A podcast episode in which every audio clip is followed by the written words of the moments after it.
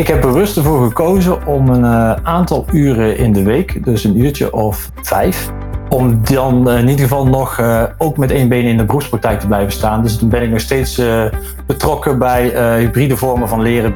gewoon om de feeling te houden met wat er daar plaatsvindt. Je hebt zojuist kunnen luisteren naar een fragment van mijn gesprek met Johan van Herk.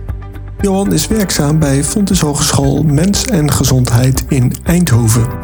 Tevens is Johan zelfstandig adviseur vanuit zijn eigen bedrijf op het gebied van stressmanagement, counseling en coaching. Mijn naam is Ronald Scheer en ik wens je veel plezier bij het luisteren naar de vijfde aflevering van de podcastserie over hybride leeromgevingen van Fontis Hogescholen. Johan, voor de luisteraar die jou niet kent, wie is Johan van Herk? Ja, ik ben dus Johan van Herk, uh, van origine ooit begonnen als verpleegkundige. En ik ben in 1998 gestart met de opleiding uh, verpleegkunde. En uh, tijdens die studie kwam ik al in aanraking met de forensische psychiatrie. Wat me totaal niet bekend was van tevoren, maar wat ik wel heel erg leuk bleek te vinden. En aan het einde van de opleiding ben ik gaan werken daar, fulltime. En ook vrij snel gestart met de studie gezondheidswetenschappen. En op het moment dat ik uh, richting het einde van die studie liep, uh, kwam eigenlijk de vraag van, Johan, wil jij uh, een zorginnovatiecentrum gaan opstarten? En ik wist destijds helemaal niet zo wat dat was, maar dat bleek een concept te zijn, wat we tegenwoordig wat meer kennen in, als een vorm van een hybride leeromgeving, waarbij er acht studenten van de opleiding verpleegkunde zouden gaan stage lopen op die forensische afdeling. En waarbij er natuurlijk naar hen uh, goed moest worden omgekeken. Dat het leerklimaat oké is, dat het team gecoacht zou worden, de studenten gecoacht zou worden. En dat de kennis van de opleiding bij die studenten en het werkveld uh, terecht zouden komen.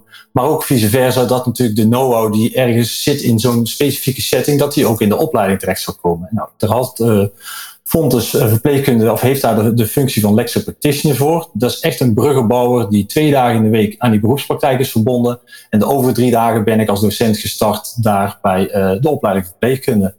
En om dat werk ook nog wat verder vorm te geven, ben ik naast uh, die studie van gezondheidswetenschappen, ben ik ook een coaching- en counseling gaan doen. Zodat ik niet alleen op gevoel en feeling dat dat uh, zou kunnen gaan doen, maar dat ik er ook wat meer tools nog voor zou krijgen. En ja, dat bevalt me eigenlijk prima. En dat heb ik tot zo'n 2015 gedaan. En toen werd het werk eigenlijk steeds meer overstijgender. In die zin dat ik dat zorginnovatiecentrum wat meer ben gaan loslaten. En dat ik het curriculum van verpleegkunde, uh, het praktijkleren, het stage lopen dus, wat meer een hybride karakter ben gaan geven. En vervolgens uh, zijn we gaan starten ook op binnen het domein van hoe kunnen we nu meer interdisciplinair samenwerken. En met domein bedoel ik het domein mensen maatschappij. En ook dat is ontzettend leuk om te doen, om meer overstijgend met elkaar uh, te gaan optrekken. Van hoe kunnen we eigenlijk de kennis die bij alle instituten zit, meer met elkaar gaan verenigen. En uh, die professionele werkplaatsen, zoals ze daar genoemd worden, een meer ja, multidisciplinair karakter gaan geven. En ja, sinds kort is er ook, dat is er al langer, maar ben ik in aanraking gekomen met het HALO-programma. En daar kwam een vacature vrij. En dan heb ik gesolliciteerd op de vacature van adviseur hybride leeromgevingen. En zo merk je dat eigenlijk het werk steeds meer overstijgend karakter heeft, of heeft uh, gekregen bij mij. Maar wat ik nog steeds wel uh, verbonden ben aan, aan die hybride, ja, hybridisering eigenlijk van het onderwijs. En dat vind ik ontzettend leuk om te doen. En bovendien heb je ook nog je eigen podcastserie, BB Insight. Kun je daar eens wat meer over vertellen? Uh, ja, dat heb ik samen met mijn collega Nart van der Langenberg en met Martijn Fase. Uh, dat is de AV, de audiovisuele specialist die bij ons op de Vlietnerstraat zit, in het uh, daar.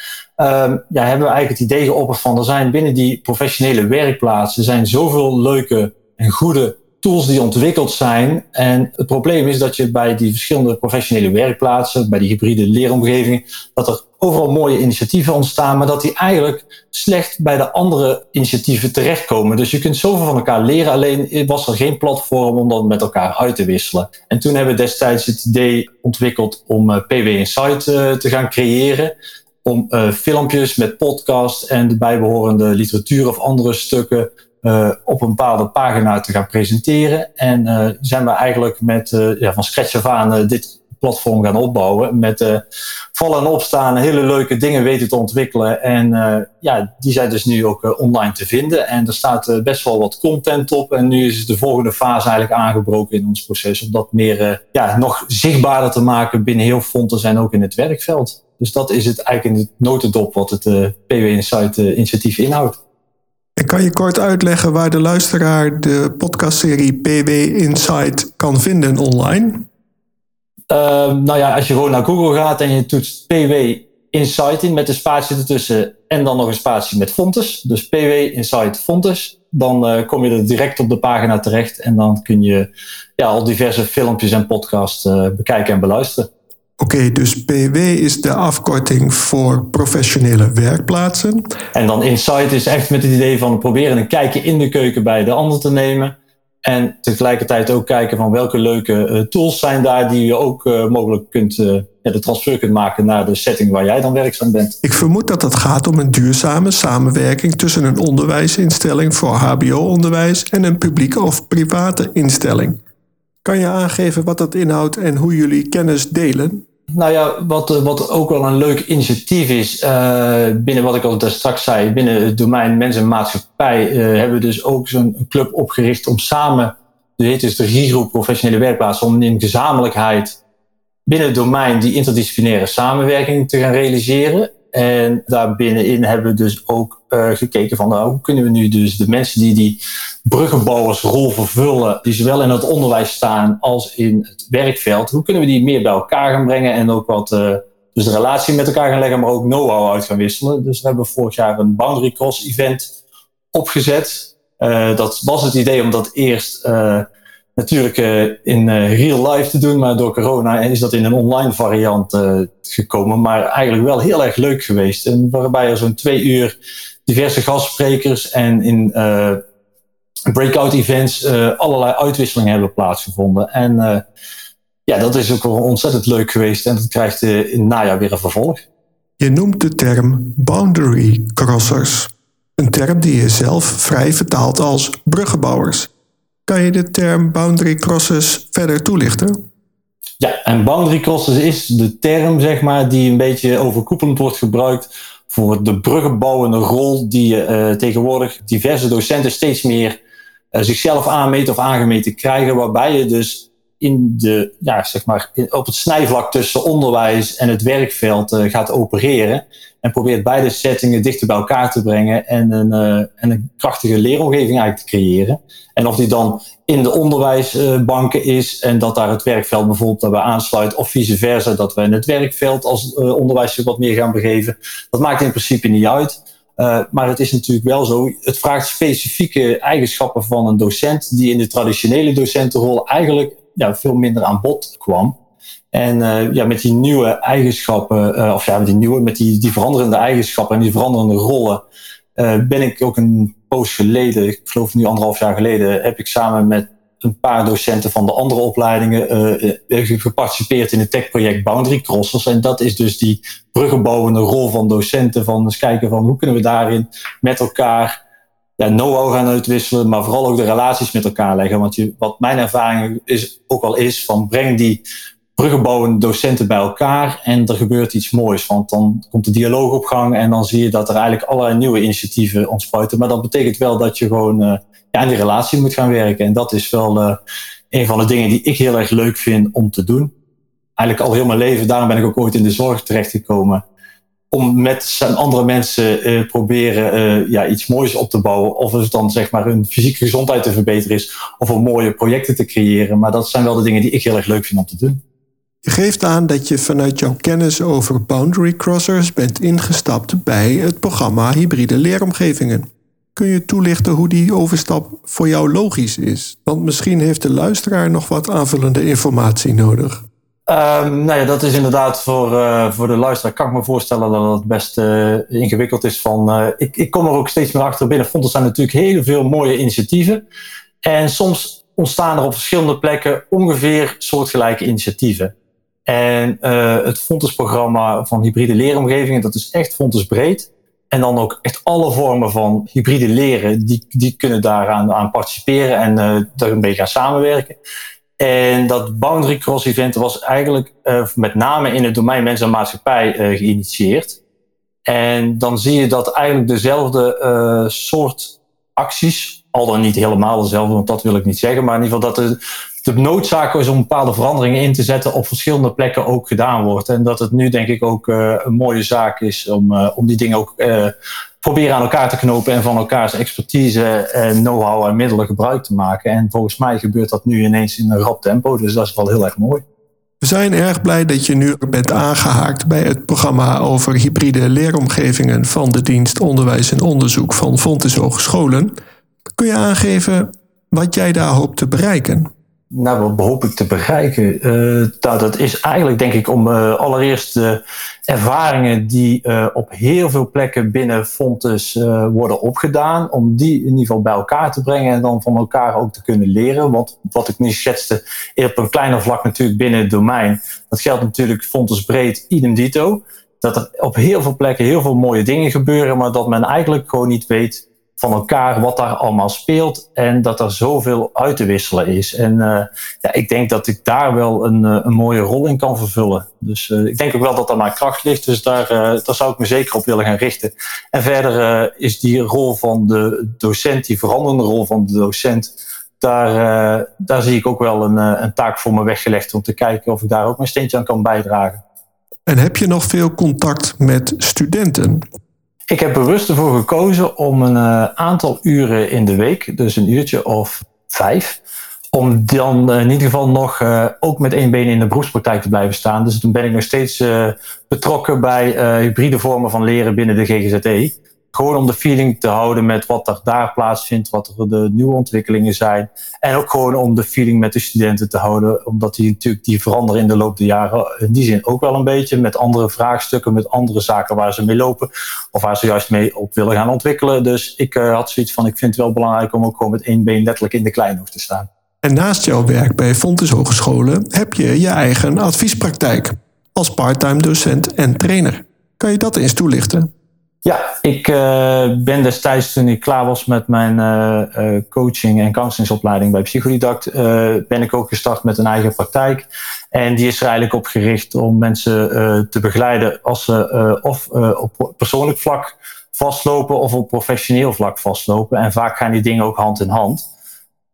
Dus ja, dat is wel heel erg leuk om, om, om dat naast te doen. En ja, omdat me dat ook zo goed bevalt, uh, ben ik ook bij Psychodidact zelf nog parttime docent en trainer. Waarbij ik ook trainingen rondom kwetsbaar opstellen en verbinden bijvoorbeeld geef. En klinische psychologie. Dus ja, ik vind het wel leuk om op meerdere projecten en meerdere dingen tegelijkertijd te doen. Gewoon om mezelf uit te dagen, maar ook om de lollen van in te. En vooral ook de verbindingen tussen zaken te leggen. Want er is overal veel te halen en met elkaar bij elkaar te brengen.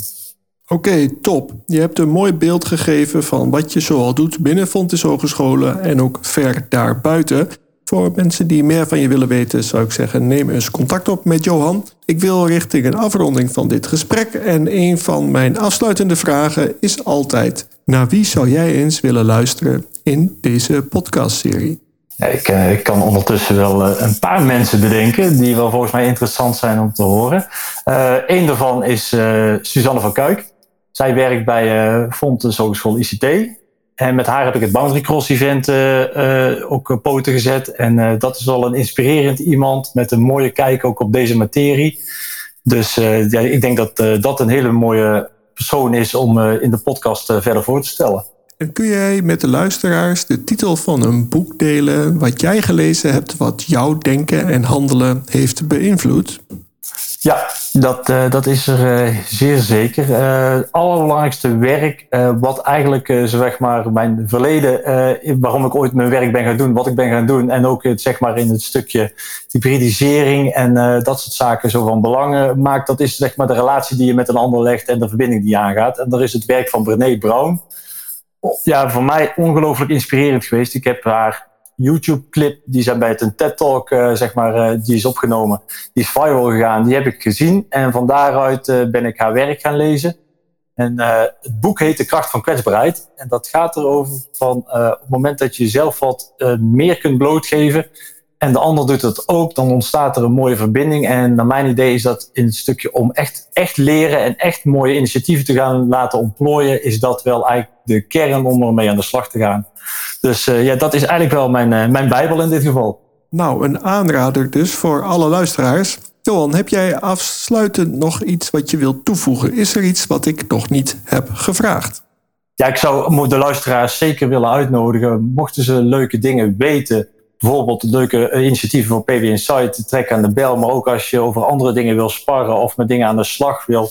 Ik denk graag mee, soms juist vanuit een heel ander kader. Maar ik vind het heel erg leuk om uh, over mijn eigen horizon heen te stappen en te gaan kijken wat er allemaal is. En te kijken wat we voor elkaar kunnen betekenen. Dus uh, dat eigenlijk vooral. Na jouw inspirerende verhaal zijn er ongetwijfeld luisteraars die graag direct in contact willen komen met jou. Kan jij aangeven hoe de luisteraar met jou contact kan opnemen? Uh, nou, via de Fontesmail uh, op j.vanherk.fontes.nl. En uh, mijn, ja, via de MS Teams omgeving gaat natuurlijk tegenwoordig ook heel erg makkelijk. En mijn telefoonnummer is 06 22 619417. Dus ik kan hem nog een keer herhalen. 06 22 619417. En ik, ik hoor jullie graag. Nou Johan, super bedankt voor dit gesprek. Nou, heel graag gedaan. Ik vond het ook heel erg leuk. Nou, Johan, wat is jouw eerste reactie naar aanleiding van dit gesprek? Uh, ja, heel erg leuk. Echt heel erg leuk. Dus, uh, en het ook heerlijk om een keer aan de andere kant te zitten. Dus uh, dat is dus ook heel erg mooi om te doen. En je hebt er duidelijk meer ervaring mee dan ik. Dus ik vond het op dat vlak ook nog heel erg leerzaam. Ah, top. Dan kunnen we op die manier dus werkelijk ook nog van elkaar leren. Ja, nee, ja, dat, dat, dat, en dat lukt volgens mij zo wel. Dat is ontzettend leuk. En daarmee zijn we aan het einde gekomen van alweer de vijfde aflevering van de podcastserie over hybride leeromgevingen van Fontis Hogescholen. Wil jij naar aanleiding van deze podcast meepraten over hybride leeromgevingen? Of wil je eerst meer weten? Dat kan. Ga naar fontis.nl forward slash hybride leeromgevingen. Of mail naar hybride leeromgevingen.fontis.nl.